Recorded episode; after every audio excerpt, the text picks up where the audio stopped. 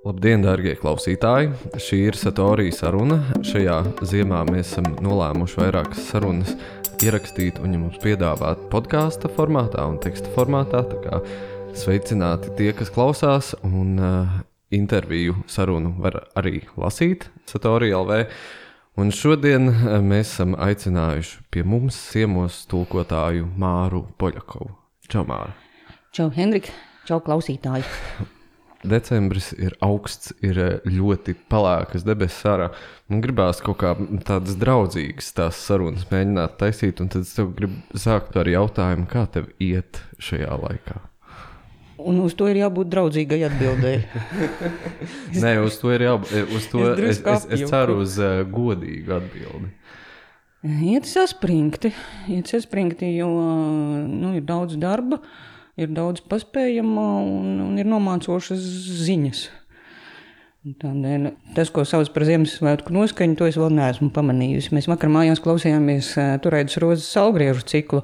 Lūk, to salgriežu momentu, to tumsu, ja, mm, gaismas gaidīšanas sajūtu, to es noķēru, jā, to es pazīstu, bet kaut kādu tur to mājīgo, omulīgo, ziemassveicīgo sajūtu. Tas gan man nav, nav ne kripatiņas bijis. Bet eh, tev tāda vispār mēdz būt? Man mēdz būt kaut kādos mierīgākos gados, kad, eh, nu, kad, kad tu tā visu esi mierīgi izdarījis, mierīgi izplānojis, un tad tev ir vakars, kad tu sēdi un tamborē sniegu pārsliņas, piemēram, ko dāvanām pielikt klāt nopietni. Bet ne šogad. Tev patīk uh, tamborēt? Es māku tamborēt, es māku tamborēt, māku adīt, eh, vēl kaut kādus rokdarbus māku. Nav tā, ka tas man šausmīgi aizrautu. Bet... Laiku pa laikam var redzēt uh, ievu melngalvu, kas arī, piemēram, atnāk uz lasījumu un sēž un kaut ko ādu. Tas vienmēr šķiet kaut kā tā ļoti forši un tāda nomierinoša lieta. Zini, 90. Eh, gados, eh, kad, kad es studēju un garlaicīgākās lekcijās adīju, man liekas, tas netika uztverts kā tāda nomierinoša no, no klātesošu puses. Bet tu saki, saspringti arī darbu ziņā. Ja? Varbūt var vaicāt, pie kā tu strādā šobrīd. Ir vairāki darbi. Ir viens uh, amerikāņu romāns, kuram bija jābūt gatavam martā. Un, nu, mēs atceramies, kāds bija marts. Martā es amerikāņu romānus nespēju tulkot, pilnīgi noteikti. Tā viņš ir uh, aizķēries līdz šim brīdim. Es solījos viņu līdz gada beigām pabeigt. Nu, ir stipri maz laika palicis. Tad uh, Radens ir teicis kārtējo ģeniālo runu. Uh, Viņam piešķīra Hannes Ārentes balvu par sasniegumiem politiskajā filozofijā, un viņš teica, pilnīgi fantastisku runu tās balvas ceremonijā. To ir arī līdz gada beigām jāuztaisa. Un tad vēl es esmu apsolījusi vienu ukrāņu stāstu, kuram gan es laikam nepaspēšu tikt klāt, un tūlīt, tūlīt būs otra recenzija par ukrāņu īpašvārdu atveidas ieteikumiem, ko mēs uztaisījām kopā ar Arturu Hansonu. Mm -hmm. Un tad arī tiem būs, būs vajadzīga galīgā versija, lai, nu, lai viņus jau varētu dot tālāk, un lai cilvēki varētu sākt izmantot. Un, nu, katru reizi nezīmēt, kā tad nu, šo vārdu mēs rakstīsim. Es paskatījos vienkārši literatūra LV, kur ir, ir tāda vietne, vai ne? Es paskatījos uz tavu tulkojumu sarakstu. Un es zināju, ka tu esi daudz tulkojusi, bet es biju vienkārši šokā, ko es tur ieraudzīju es nevarēju saskaitīt, cik tev tie tulkojumi ir, bet tur sanāk, ir simts. Es neesmu skaitījusi. Man nav nejausmas. Droši vien, ka ir. Es, es no tā dzīvoju. Jā. Es ieraudzīju un es nesapratu, kā tas vispār ir iespējams. Mm, tas ir diezgan vienkārši patiesībā. Ja tev ir jāsamaksā rēķini, tad tu strādā. Bet, kā tev sākās tulkošana? Kā tev tas, kāds bija tas ceļa sākuma posms? Tas ceļš sākums bija gaužām vienkāršs. Man eh, piedzima mans pirmais bērns. Pirms tam es biju strādājusi skolā vienu gadu. Nu, tā tad no skolas aizgāja man piedzima bērns. Un, kad bērnam bija pusotrs gads, tā kā derētu atsākt strādāt, un bija pilnīgi skaidrs, ka man ir vajadzīgs kaut kāds darbs, ko es, gribu, ko es varu darīt mājās. Jo pusotru gadīgi nu, nav iespējams palaist dārziņā, ja tev ir nu, kaut kāda drusciņa manevra iespēja. Ja. Man gribējās šīs manevra iespējas, man gribējās viņu vēl paturēt mājās. Un tad mana draudzene Dace ir kaut kādā pilnīgā paļāvībā. bija visās redakcijās, uz kurām viņu darba gaitas veda, bija stāstījusi, ka nu, re, ir tāda, ir tāda poļako. Viņa gan vēl neko nav tulkojusi, bet viņa noteikti ir lieliska tulkotāja. Es dabūju kaut kādus pirmos darbiņus. Un, zini, ir, es nesen Denam teicu, ka es nekad dzīvē neesmu bijusi jaunā tulkotāja. Ja? Ir tāda kategorija, tur jaunais zinātnieks vai jaunais rakstnieks. Vai, vai, vai ļoti grūti definējama. Ļoti grūti definējama, bet, bet te, teiksim, jauniem zinātniekiem līdz, liekas, līdz 40 gadiem pienāks kaut visādi labumi. Viņiem tur pienākas stipendijas un dažādas atbalsta programmas un vēl viss, kas. Ja? Un, un šausmīgi skrabīgi, ka es nekad neesmu bijusi tādā, tādā programmā, kurā man pienāktos kaut kāda atbalstīšana. Bet, Lūk, tie pāris pirmie, pirmie dāmas romāni, ko es uztaisīju, un kuri, diemžēl, tika izdoti. Un es baidos minēt, viņi varētu būt joprojām atrodami kādas bibliotekas tālākajā kaktā. tā bija tā mana skola, jo Tieši dāmas romāni. Ja? Vai, vai krimiķis vairs neatceros. Nu, kaut, kas, kaut kas tādā žanrā, kas diemžēl saglabājas ļoti ilgi. Jo augsto literatūru viņa aizmirst. Bet, bet, bet šos, Lubens ir nemirstīgs. Bet Lubens ir nemirstīgs, viņas lasa. Tādēļ, principā, Lubens vajadzētu tulkot sevišķi labi. Ko es toreiz iespējams gribēju, bet pilnīgi noteikti nevarēju. Nu, lūk, un tad tur bija tādas redaktoras apgādā kontinents, kuras resnu sarkanu pildspalvu to visu pamatīgi sasvītroja, tā ka palika pāri nu, ļoti nedaudz no sākotnējā teksta. Es, protams, sprojos pretī, jo, jo man likās, ka es zinu labāk, bet patiesībā tas bija ārkārtīgi pamācoši. Ar kuru valodu tu sāki? Ar angļu. Uh mhm. -huh. Un tad, tad, laikam, pienāca klāt kaut kādas pirmās vācu grāmatas, pirmās krievu grāmatas. Bet tās valodu zināšanas tev, kā Zin... viņas tev atvērās? Mm, vācu un krievu bija manas pirmās svešvalodas, jo tajā laikā viņas abas, man liekas, mācīja no pirmās klases. Angļu pielasījās klāt ar lasīšanu patiesībā. Viņu oficiāli es laikam nekad neesmu mācījusies, jo kultūras akadēmijā viņa man bija kā otrā svešvaloda, bet viņa bija 8.30 no rīta. Toreiz man likās, ka uz 8.30 vienkārši fiziski nav iespējams ierasties un, un, bet eh, sistemātiski, nu tā rīktīgi sistemātiski, es esmu mācījusies savā dzīvē tikai ībrītu. Tad izrādījās, ka tas ir nenormāls kaivs sistemātiski mācīties valodu no pašiem pamatiem, būvējot to valodas ēku, tāda mm, zinoša vieda skolotāja vadībā. Vajag žēl, ka nu, to, to nav sanācis biežāk darīt un vairāk. Man ir jautājums, ko es vairākas dienas mēģinu noformulēt, bet tā arī nesmu atradzis to precīzo formulējumu. Bet es tieši domāju jā, par valodu zināšanu un par valodu jušanu, jo man ir kaut kā tā sanācis, ka, piemēram, man tās svešvalodas, nu, ir cilvēki, kuriem viņas vienkārši varās vaļā šķietam, vai ne, ka viņi to katru jauno valodu vienkārši kaut kā mm, iesūc sevī, vai ne, un, un kuriem tās valodas līp klāt. Un man tā nav. Es esmu vairākas svešvalodas mācījies, bet kaut kā tas nav teiksim, mans talants, un man nekad viņas tā īsti nav vēršās vaļā. Un tad es mēģinu um, pajautāt, kā tu jūti tās dažādas valodas? Kā tu varētu varbūt, aprakstīt, ko nozīmē tev tā valodas prašana, un zināšana un jušana? Kad tu saki, drīkst ar pretjautājumu, kad tu saki, ka tev nelīpa, bet tevi interesē vārdiņi, piemēram, vai teikuma konstrukcijas, vai tas tev ir interesanti? Jā, jā.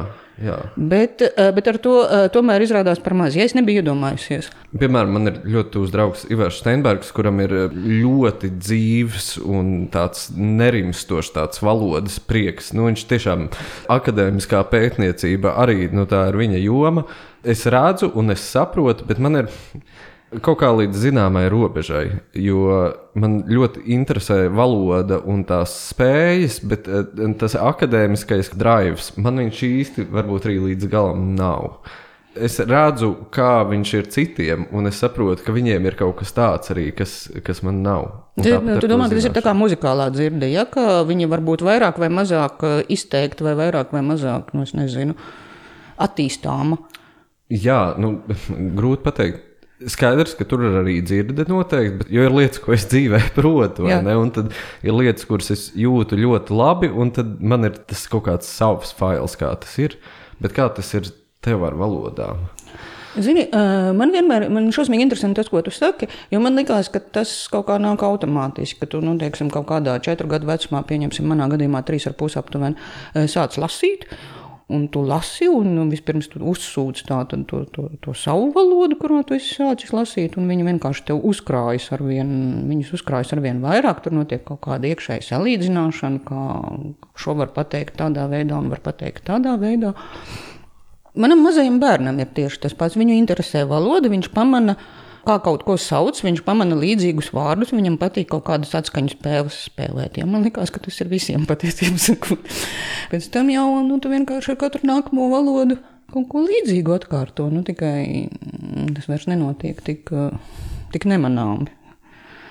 Man liekas, ka tādā veidā tas notiek. Tu vienkārši patīk un interesē. Bet tagad, kad tu saki, ka tā, tā var arī nebūt, tad, tad es drusku iesprūstu un tālāk īsti nespēju padomāt, kas tur notiek. Bet cik tev ir? Tev ir angļu, vācu, krievu, jidišu, un tagad loģiski ukrāņu. Uh, man jidiša man ir maz, teiksim, uh, jidiša man ir. Uh, nu, es esmu mācījusies divus semestrus. Ne, jā, divus semestrus esmu mācījusies jidišu, bet nu, tur, tur bija šausmīgi interesanti ar jidišu.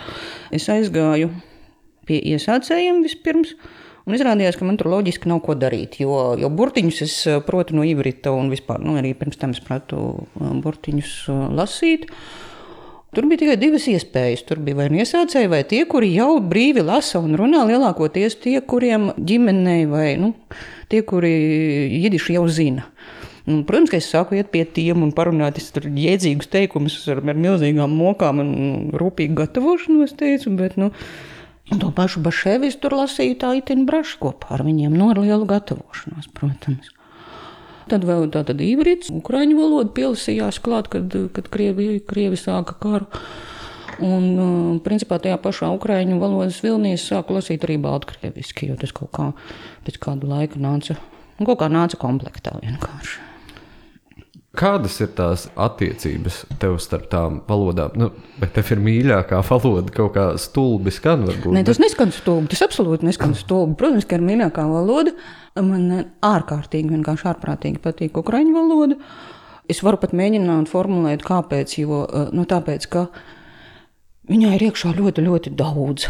Tur ir kaut kāds tāds senais substrāts, ja, kas, ko es zinu no, no tiem laikiem, kad, kad man interesēja senkrievu valoda, baznīcas slavu valoda tad tur ir kaut kāda tā poliskā, latīniski poliskā ietekme, ja, tad tur ir kaut kas, kas ir kopīgs ar Baltkrievu valodu, ko es saskatu, kaut kas, kas ir kopīgs ar Krievu. Ir, teiksim, viena gramatiskā konstrukcija, kas man nenormāli interesē, kuru es biju sastapusi Ivritā.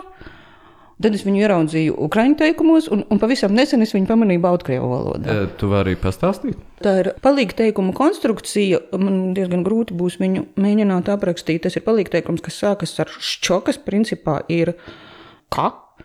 Un tālāk viņā tiek ļoti interesanti ieāķēts kopā tas palīgteikums. Ivritā būtu Raitēta seferis, ja nijodāto to. Es redzēju grāmatu, ka es to redzu burtiski, ja, bet tā ir grāmata, kuru, uh, nevis redzu, bet zinu, ka grāmata, ka es to pazīstu, kas nozīmē, kuru es pazīstu. Ja, tas, -hmm. ka šajā gadījumā viņš kļūst par kuru, un tā pati konstrukcija ir arī ukraiņu valodā. Un izrādās, ka Baltkrievijam. Un visticamāk, ka Ivritā viņi ir aizgūta, ka viņu ir nu, pārņēmuši tie nu, modernā Ivrita veidotāji, ja, kuri bija ar nu, šo te Ukraiņu Baltkrievu cilmi. Bet nu, man būtu jāatrod kāds, kurš zina visas šīs trīs valodas un varētu man pastāstīt.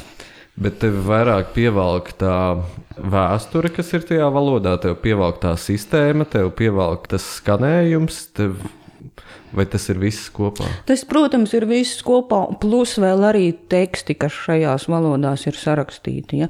Man, man ir grūti teorētiski iedomāties situāciju, ka nu, kādā valodā, kas man ārkārtīgi patīk, ir sarakstīti tikai šausmīgi slikti teksti, un, un, un, un, un ko, es, tad, ko es tad darītu. Bet lielākoties jau visās valodās ir sarakstīti šausmīgi labi teksti.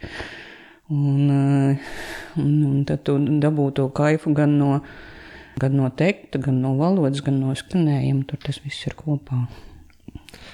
Valoda jau arī ietver sevī, man liekas, gandrīz vienmēr tādu individuālu kaut kādu intonāciju un caur to arī attieksmi. Un pēdējā laikā vispār intonācija kā jēdziens interesē, jo es daudz domāju un prātoju un kaut ko bakstos par intonāciju dzējā, kur principā Ir tādi gadījumi, kur man šķiet, dzēja var sastāvēt tikai no intonācijas. Es domāju arī par to, ka tulkošanā tieši intonācijas pārnešana ir viens no tādiem svarīgākajiem šķiet principiem, vai ne? Absolūti. Jā. Bet tas ir vienlaikus kaut kas tāds, kas ir, nu, tas ir kaut kas mazliet ēterisks. Ne? Redzi, nu es esmu strādājusi ar prózu savā dzīvē lielākoties, nu, par, nezinu, par 98%. Un eh, man liekas, ka tas eh, notiek automātiski. Tulkojot prózu, nu, tev vienkārši ir pienākums dabūt to pašu intonāciju, citādi nu, tas ir akūti nepareizi. Tagad uh, mums ir biedru grupa. Mēs mēģinām uztaisīt žadanu dzējas krājumu. Es tur esmu par tādu kā dzēnieku gani. Uh, Jo pārējie redz, visi ir oficiāli dzinieki ar, ar, ar apliecību, jā, ar certifikātu. Bet man ir tas, tas gods un pienākums lasīt, teiksim, atzījumu pirmo versiju. Un tas ir ļoti interesanti brīžiem, kad es redzu, ka man prasās cita intonācija šim žadanam, ja, jo es viņu dzirdu stipri citādi. Uh, Un lūk, tas, ko tu saki, ja? un, uh, vai mēs varam sastatīt to, kā mēs dzirdam dzējoli, vai mēs varam atrast kaut kādu vienotu dzirdējumu, vai mans dzirdējums ir pareizāks, vai pareizs ir kolēģi dzirdējums. Ja? Uh, mēs tieši šajā stadijā šobrīd īstenībā esam. Intonāciju mm, atpazīšanas, es nezinu. Kā tu raksturotu žadana intonāciju? Žadans, žadans ir ārkārtīgi nesamākslots. Viņa ideāli precīzā, eh, klasiskā formā rakstītā dzējā nav ne kripatiņas no, mm, kā lai to nosauc, āršķirīga dzīviskuma. Ja? Tur uh, nav inversija, piemēram. Viņam gandrīz nemaz, es nezinu, uz visu to korpusu, ar kuru mēs tur strādājam, varbūt ir 3-4 inversijas. Bet tā ir, principā, tā ir dabiska, normāla runāta teikuma, teikuma uzbūve.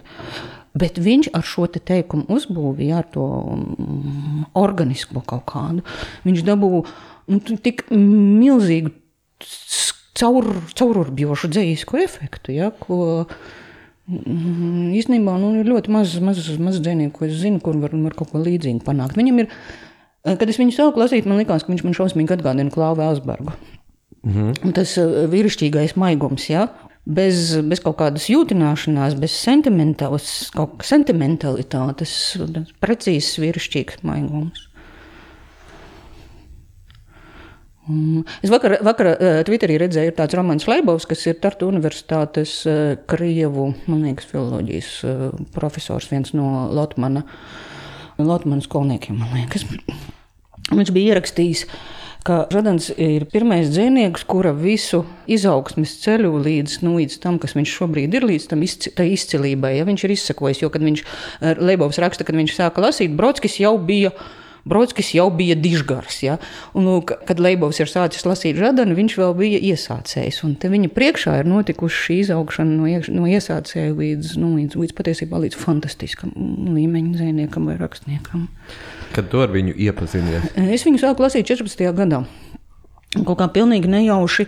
Man būtu baigi grūti rekonstruēt, kas bija pirmais, tas, tas stopkadrs, kas man droši vien uz visu dzīvi paliks prātā, kur, kur viņu rastiņainu seju divi cilvēki ved gar Harkivas administrācijas ēku, jo, viņš, jo viņam tikko ir salauzts deguns un bezmaz izsīs status, kad viņš ir atteicies mesties ceļos un ko tur vēl tur darīt. Vai varbūt pirmais bija angliski tulkot zejols velosipēdu, kas bija kaut kādā, tajā pašā laikā kaut kādā tādā izdevumā ko man tur nejauši izdevās atrast. Nu, es domāju, tad varbūt arī ir, eh, jo patiesībā gandrīz visi jautājumi, kas ir man pierakstīti uz lapas, ir tieši par eh, Ukrajinu un Ukrāņu valodu. Un, um, Tu esi gan mums, gan citiem šogad arī ļoti daudz tulkojusi dažādas reportāžas un tekstus, kas top tagad. Un, uh, arī nu, tu esi, manuprāt, ļoti klātesošs un tāds zināšanu centrs par to, kas īsti Ukrajinā notiek. Bet tas, ko es gribēju pajautāt sākumā, ir tas, ka eh, tulkošanas process jau ir visciešākā, visdziļākā lasīšana. Tulkojot šos tekstus, tik uzmanīgi viņus lasot, to visu laižot caur sevi, Es nezinu, kā tu pārstrādā tās emocijas, kā tu tiec galā. Daži no tekstiem, kurus, kurus es jums šogad taisīju, bija tādi, kurus jums, es jums atdevu nepārlasījusi. Jo es viņus fiziski nevarēju pārlasīt. Man, man, man, man vienkārši. Nu. Nu, nu, nav iespējams vēlreiz iet tajās emocijās. Ja? Tā, tā viena reize ir maksimums, ko tu spēj. Uh, principā tā, protams, ir profesionālo, profesionālo principu nodevība, ja? bet uh, pārstrādāt emocijas. Tas februāris mums, vis, februāra beigas, marta sākums mums visiem droši vien pagāja līdzīgi kaut kādā pilnīgā paralīzē. Ja? Tādā absolūtā uh, ledainā sastingumā, kad mēs, mēs tikai drudžēni rījām tās ziņas, katru rītu modāmies vai naktī vairākas reizes skatījāmies telefonā, kas notiek, bet nu, reāli neko padarīt nespējām. Man no tā sastinguma izrāva divas lietas. Viena lieta bija Latvijas radio, kurš visu laiku teica Kijava, Harkova un Ļuvova, un, un, un tādā garā, proti, viņi lietoja uzbrucēja nosaukums šim um, upuru pilsētām. Un otra lieta, es metos rakstīt, ko es nekad dzīvē vispār, es neesmu rakstītājs, esmu tulkotāja. Ja? Es metos rakstīt uh, tekstu par uh, Budinuku slovu Harkivā, Es nevaru te pateikt, kāpēc. Iespējams, tāpēc, ka nu, tur kaut kādās ziņās bija parādījies, ka nu, kaut kādi tie šāviņi ir trāpījuši šai, šai ēkai. Tā ir rakstnieku māja Harkivā. Ja? Un man bija tā sajūta, ka tūlīt, tūlīt viņi viņu iznīcinās, tie huņi. Un, uh, Tāda pilnīgi absurdā, ja, bezjēdzīgā un racionāli absolūti nepamatojamā sajūta, ka es tagad par to rakstīšu, un šādi es viņiem viņu neatdošu.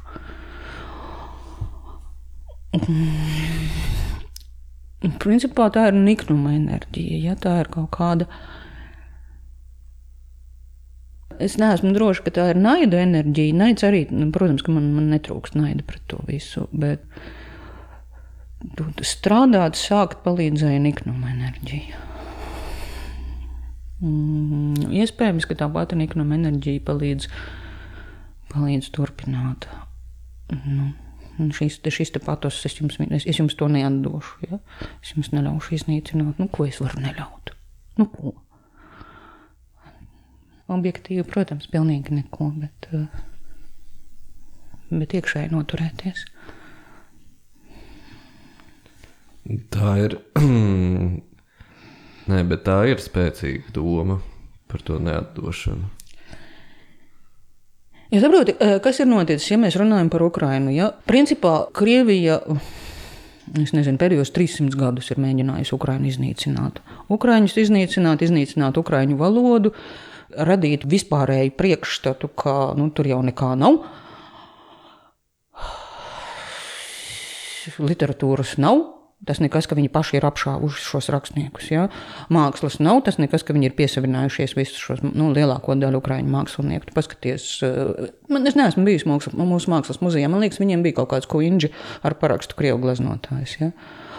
Mana sajūta ir, ka ar savu nezināšanu ja, par to, kas viņiem ir, mēs esam paši krituši par eh, upuri, gan arī piedalījušies, piedalāmies ja, tajā iznīcināšanā. Jo patiesībā nu, nu, tā noticēšana, ka viņiem nekā nav, tā uzmanības nepievēršana, no kurienes tas vispār nāk. Kāpēc 30 eh, neatkarības gadu, gadu laikā ir iznākušas, es neatceros, piecas pieaugušo grāmatas ukrāņu autori? Ja? Eh, viens, divi, trīs, četras no tām manējās. Tiešām tik maz? Tiešām tik maz. Hmm. Tas pats attiecas ar visām mūsu, kā teikt, kolonizētajām mm, brāļu tautām. No Baltkrieviem taču arī nekas nav iznācis. Pēdējais, kas tulkoja Baltkrievu prózu, bija Taurits Rūlis. Par tālākiem mēs vispār neko nezinām. Ja? Un arī par tuvākiem. Nē, mēs nesen ar Jāni Jaņevu runājām arī par to, ka, nu, taisnība sakot, arī par to, kas Igaunijā un Lietuvā notiek, mēs ļoti maz zinām. Kaut arī mums ir dacia, mums ir maima, piemēram. Ja? Salīdzinoši nav tik traki. Kaut ko jau mēs zinām. Nesen bija LSM, ka beidzot Latvijas televīzija ir vienojusies ar Latvijas televīziju, ar lietuviešiem, ka viņi kaut kādas lietuviešu kultūras programmas mums rādīšot. Nu, svētlaimi, ja? Ak, tad beidzot. Un tas ir komplektā ar to, es atvainojos, histērisko bļaušanu par to, kāda mēs drausmīgi cietēji būsim, ja mums nebūs dažās krievu kultūras. Un ja mēs nevaram lasīt viņu sūda portālus.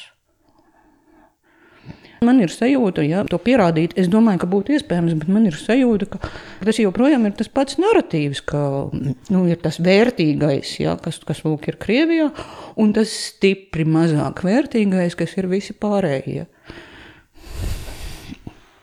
Nenormāli aizvaino. Bet Tu akadēmijā, kultūras akadēmijā, tu studēji krievu kultūru. Tā, tā, jā, man ir bakalaura grāds krievu kultūrā un maģistra grāds kultūras teorijā. Jā. Jā. Es iestājos Krievos, pie tam es iestājos paralēli uh, Krievu filologos arī, kurus, laikam, pēc mēneša no viņiem aizgāju, jo tur bija stipri garlaicīgāk nekā akadēmijā. Nu, kā tāpēc, ka, tāpēc, ka uz to laiku es jau nu, brīvi lasīju krieviski. Tas uzvārds neko nenozīmē. Man nav, man nav ģimenē nekā, tā, tā ir valoda, kuras esmu pilnībā iemācījusies. Es bērnībā nerunāju krieviski nemaz. Bet tājoties akadēmijā, es jau biju izlasījusi visu sūdrobu laikmetu, tur mācīju no galvas kaut kādu mandaušu tam pietiekami daudz, droši vien joprojām varētu noskaitīt. Un man ārkārtīgi patika Grebenšķikovs.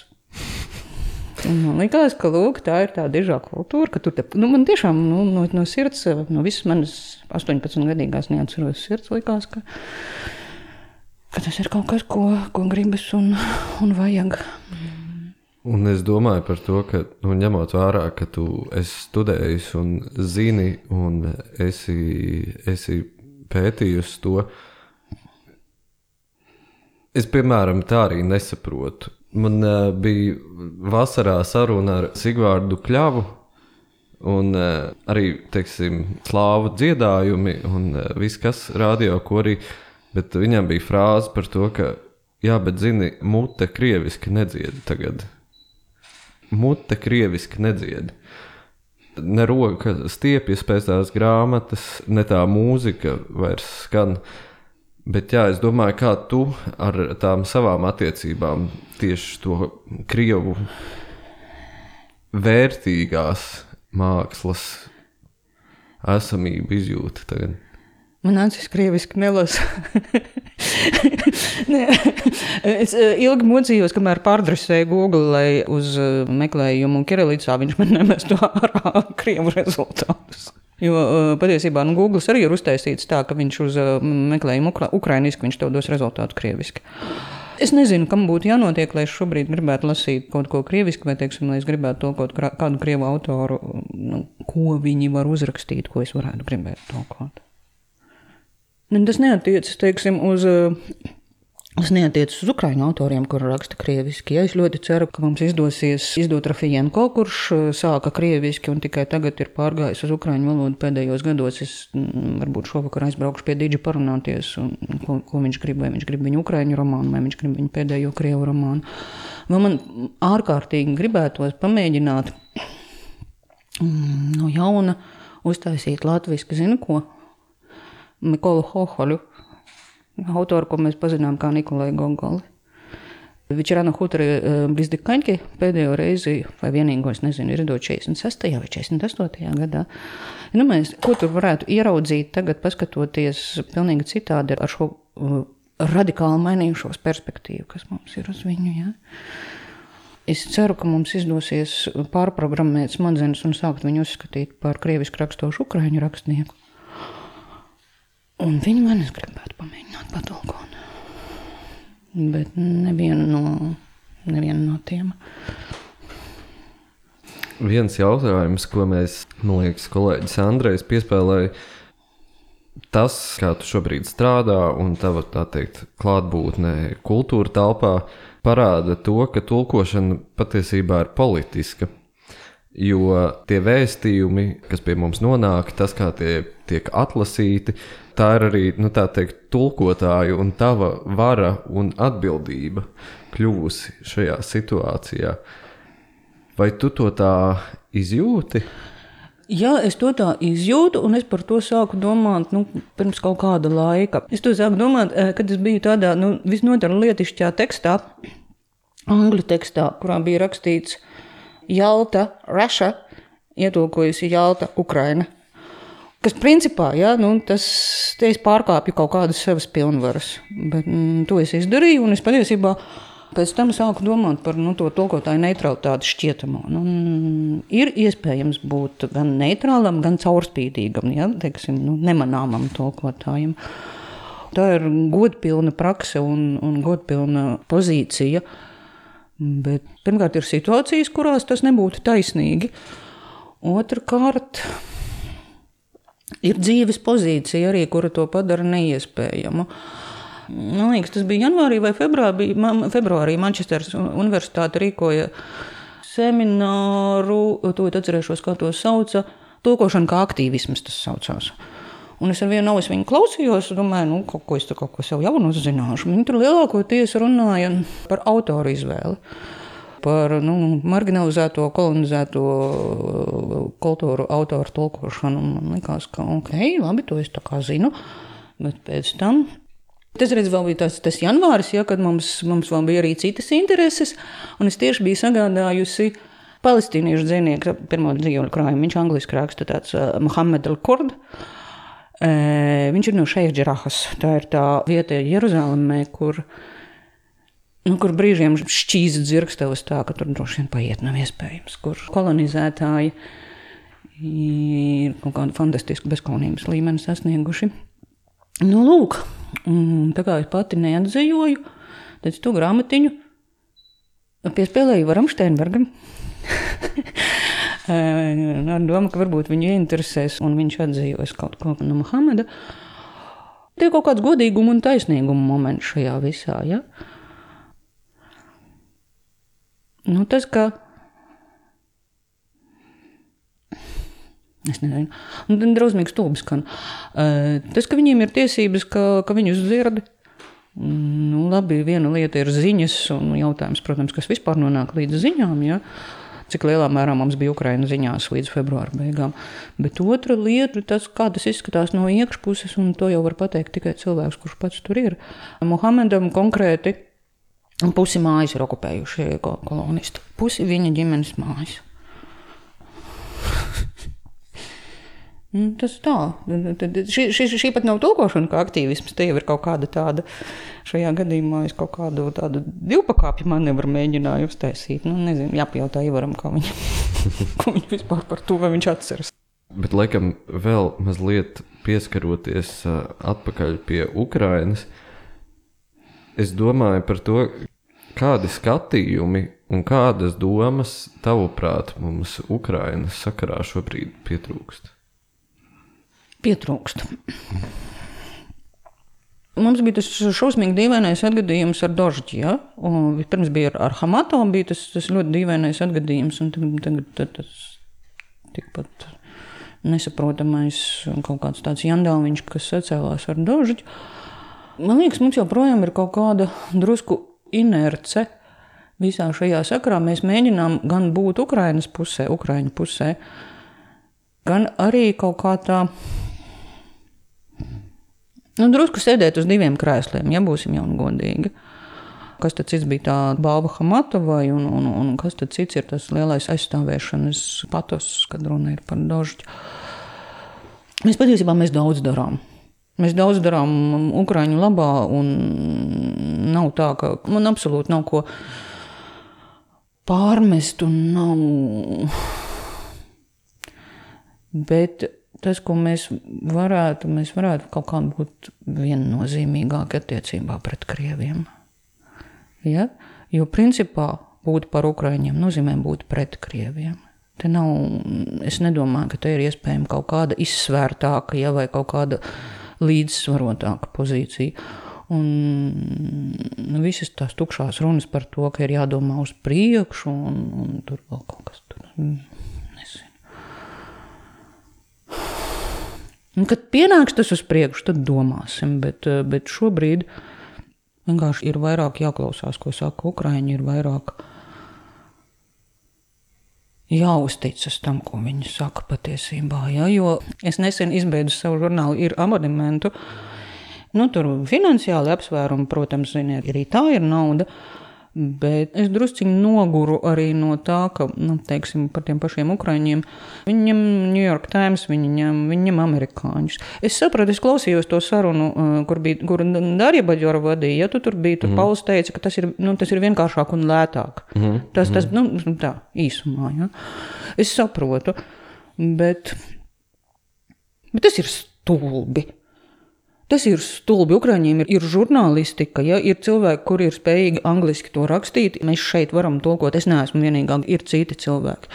Es nesaprotu, kāpēc tas joprojām tiek ņemts no starpniekiem. Es tajā visā saskatu ne tikai vienkāršāku un lētāku, es šeit, tajā saskatu arī kaut kādu neusticēšanos, tomēr, kas ir saglabājusies. Ja.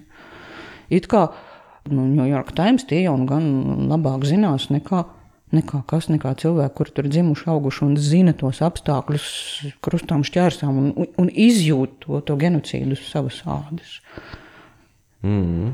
Man nenormāli vienkārši līdz kaut kādiem līdz papēžiem satriec, kad es vārdu genocīds pirmo reizi izdzirdēju kā darbības vārdu.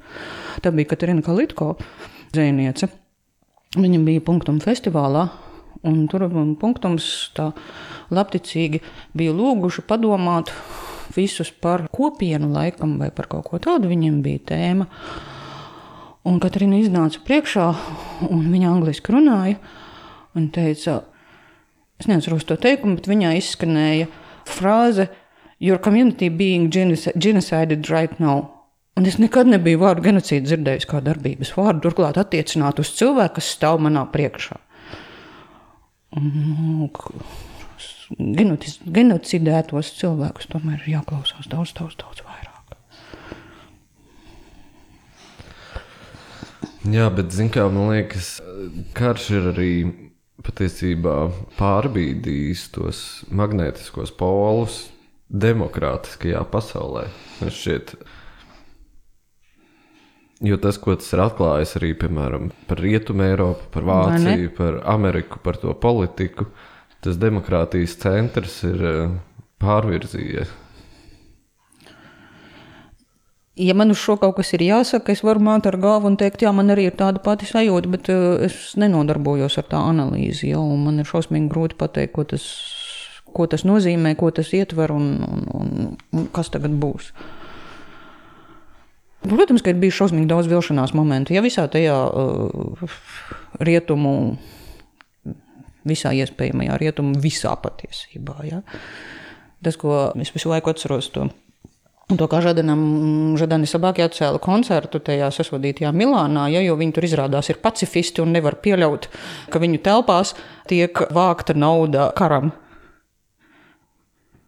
Nu, kas, kas tas ir par galēju stulbumu? Ne jau karam tiek vākta nauda. Tā nauda tiek vākta tādēļ, lai aizstāvētos. Bet nu, tu sēdi savā pacifismā, savā baltajās pacifisma čībās. Ja? Tu netiec genocidēts vēlams prāvis, ja? un, un tu vari atļauties šādā veidā domāt. Un tas viss, protams, šausmīgi sarūktina. Jā, bet... Redz, kā man Žadans teica, ka, nu, ka viņš par to vairs nedusmojas.